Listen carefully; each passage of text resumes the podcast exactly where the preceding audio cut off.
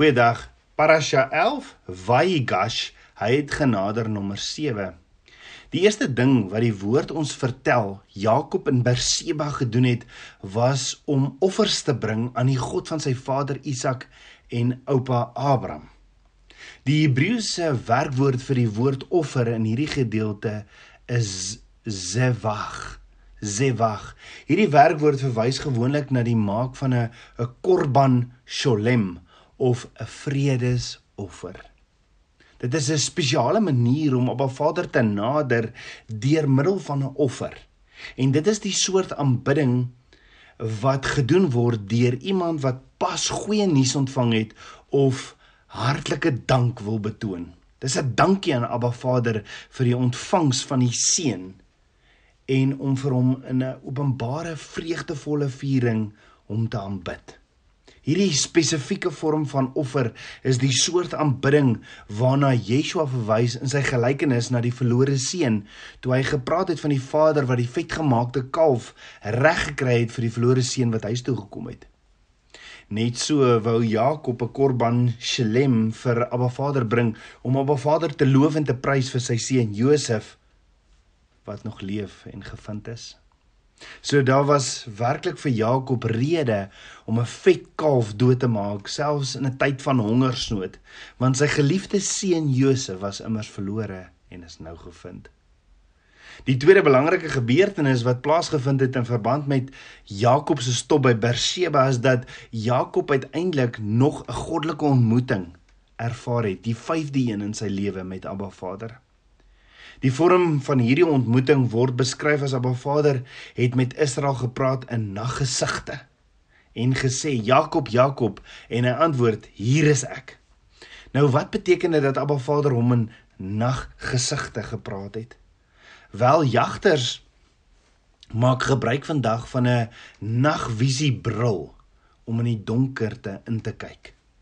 Net so was Jakob en sy familie besig om die duisternis van die Egiptiese ballingskap binne te gaan en hy het Abba Vader genader om nog een keer aan hom te verskyn om hom as ware 'n lig voor Jakob te skyn sodat hy die pad kon sien in die area van geestelike duisternis wat voor hom te staan gekom het in Egipte.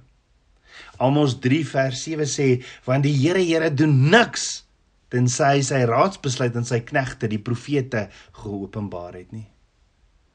Ja, verbondskinders van Abba Vader word geroep en word bemagtig om verder te kyk as net dit in die natuurlike en om die geestelike en die waarheid agter 'n sluier te sien.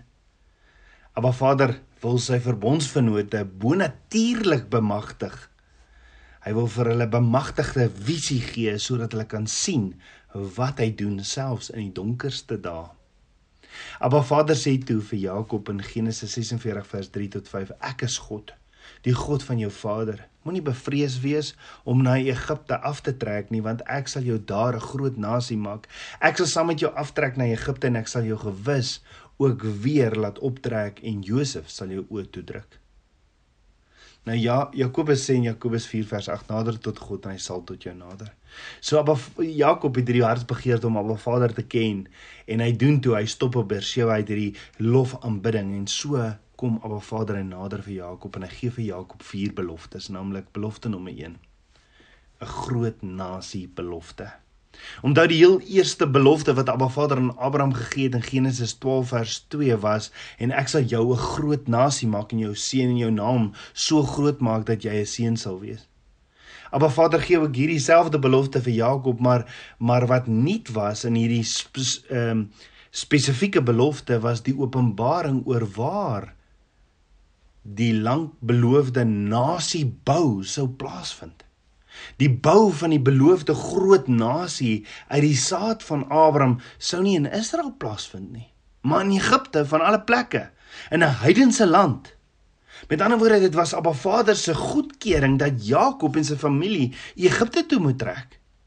Josef se woorde was waar wat sê in Genesis 45 vers 8 wat Jakob gehoor het, "Julle het my dan nou nie hierheen gestuur nie, maar God en hy het my 'n raadsman van Farao gemaak en 'n gebieder oor sy hele huis en 'n regerder in die hele Egipte land." Jy sien by Berseba is die doel van die reis na Egipte dis duidelik vooraf aan Jakob geopenbaar. Voor hierdie goddelike aankondiging het Jakob gedink dat hy en sy gesin die reis na Egipte sal onderneem bloot om met Josef te herenig, asook om meer graan te vind. Maar nou het Jakob die waarheid van Abba Vader gekry. Inteendeel, ons gaan later daarna kry hy het Abba Vader se verlossingsplan nie gekry. Jakob en sy kinders en hulle hulle se kinders en hulle se kinders was na Egipte op pad op grond van 'n goddelike plan en 'n goddelike doel. Terwyl hulle daar sou wees, sou hulle die groot nasie word waarvan sy oupa Abraham ook hom van vertel het. So op 'n Vader nader toe vir Jakob en gee vir Jakob vier beloftes. En die tweede belofte, belofte nommer 2 is Vader sê ek sal met jou wees. God met hom belofte. Maar Vader het Jakob beloof ek sal saam met jou na Egipte toe gaan. Dit was 'n belofte wat Abba Vader ook vir Jakob gegee het vroeër in Genesis 28 vers 15 waar Abba Vader gesê het: "En kyk, ek is met jou en ek sal jou bewaar oral waar jy heen gaan en ek sal jou terugbring in hierdie land, want ek sal jou nie verlaat nie totdat ek gedoen het wat ek gesê het." Nogtans het Jakob dit nou meer as enige iets nodig gehad om te hoor hier in Berseba. Abba Vader is met hulle, selfs al gaan hulle 'n heidense land Egipte in. Jakob het brood nodig gehad om dit te hoor. Jakob moes bo alle twyfel nie net weet dat hy nie met goddelike beskerming na Egipte toe sou gaan nie, maar ook dat die werk wat Abba Vader in dekades van tevore in Jakob begin het, nog steeds sou voortgaan, selfs in Egipte land. So Abba Vader nader toe vir Jakob en gee Jakob vier beloftes en belofte nommer 3, die belofte van Abba Vader wat hulle sal terugbring. Ja, Abba Vader het hierdie belofte ook vir Jakob gegee in hul eerste goddelike afspraak. Maar op die oomblik sal Abba Vader Jakob in die natuurlike as individu in die dood terugbring na die land Israel wat 17 jaar nadat Jakob in Egipte aangekom het, het Jakob eers sy laaste asem uitgeblaas. Maar Abba Vader het dit so gereël dat Jakob ook sal weet dat dit nie sy bestemming is om in 'n vreemde land begrawe te word nie, maar eerder in sy geliefde land Kanaan saam met sy voorvaders en geliefde vrou Lea in die graf van Magpela. En dit bring ons by die belofte nommer 4. Josef sal Jakob se oë toedruk. Nou dis die heel laaste woorde wat Abba Vader aan Jakob gesê het was Josef sal jou oë toedruk. Nou, wat beteken dit in Hebreëus? Beteken dit Josef sou by Jakob wees as hy sy laaste asem uitblaas en Josef sou sy hand neem en dan so op sy kop sit en sy oë so toemaak? Dit word egter nie vir ons in Genesis 50 vertel dat Josef fisies sy hand gevat het en Jakob se oë toegemaak het nie. Die woord vertel ons egter wel Josef het voor sy pa neergeval op die grond, oor hom gehuil en hom gesoen. Maar is dit dalk moontlik dat die geheimsinnige laaste goddelike belofte van Josef sal jou oë toedruk iets anders dalk beteken?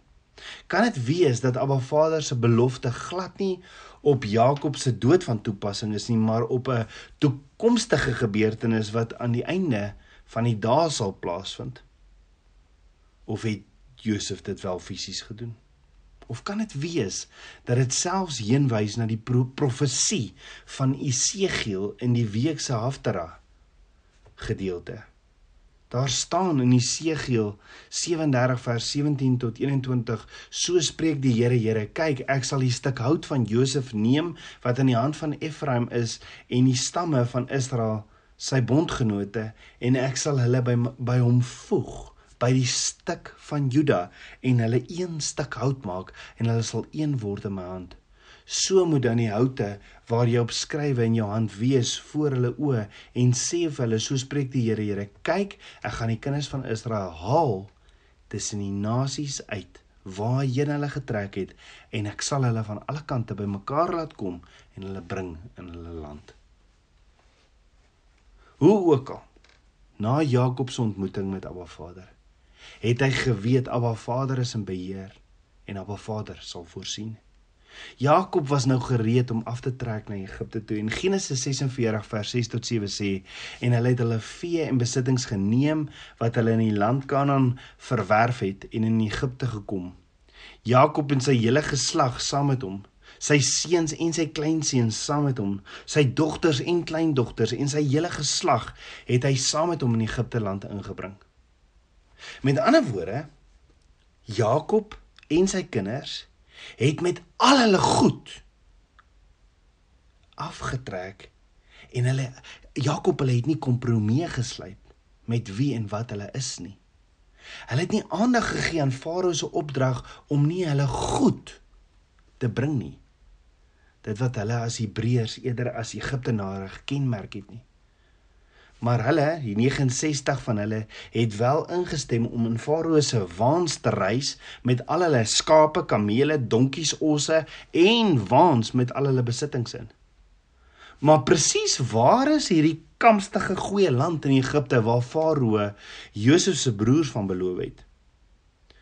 So Josef het 'n paar hoofstukke terug gelede het hy sy ware identiteit aan sy broers toe hy sy toe hy sy ware identiteit aan sy broers bekend gemaak het het hy 'n paar wonderlike beloftes aan hulle gemaak oor waar hulle sou kom woon en hoe hulle versorg sou word as hulle vir die res van die droogte by hom in Egipte sou kom bly. Ja Josef het spesifiek vir hulle gesê in Genesis 45 vers 10 tot 11 en u kan in die land Goshen woon en naby my wees u en u kinders en u kindskinders en u kleinvee en die beeste en alles wat u besit. En ek sal u daar onderhou want daar sal nog 5 jaar hongersnood wees sodat u nie verarm nie en u en u huis en alles wat aan u behoort. Josef hierdie land genaamd Goshen of die gedeelte genaamd Goshen van die begin af in gedagte gehad om vir sy broers en sy pa te gee. Maar Go maar maar maar Goshen was natuurlik nie regtig Josef se land om aan te bied of om te gee nie. Josef was soos jy sal onthou net tweede in bevel van Egipte.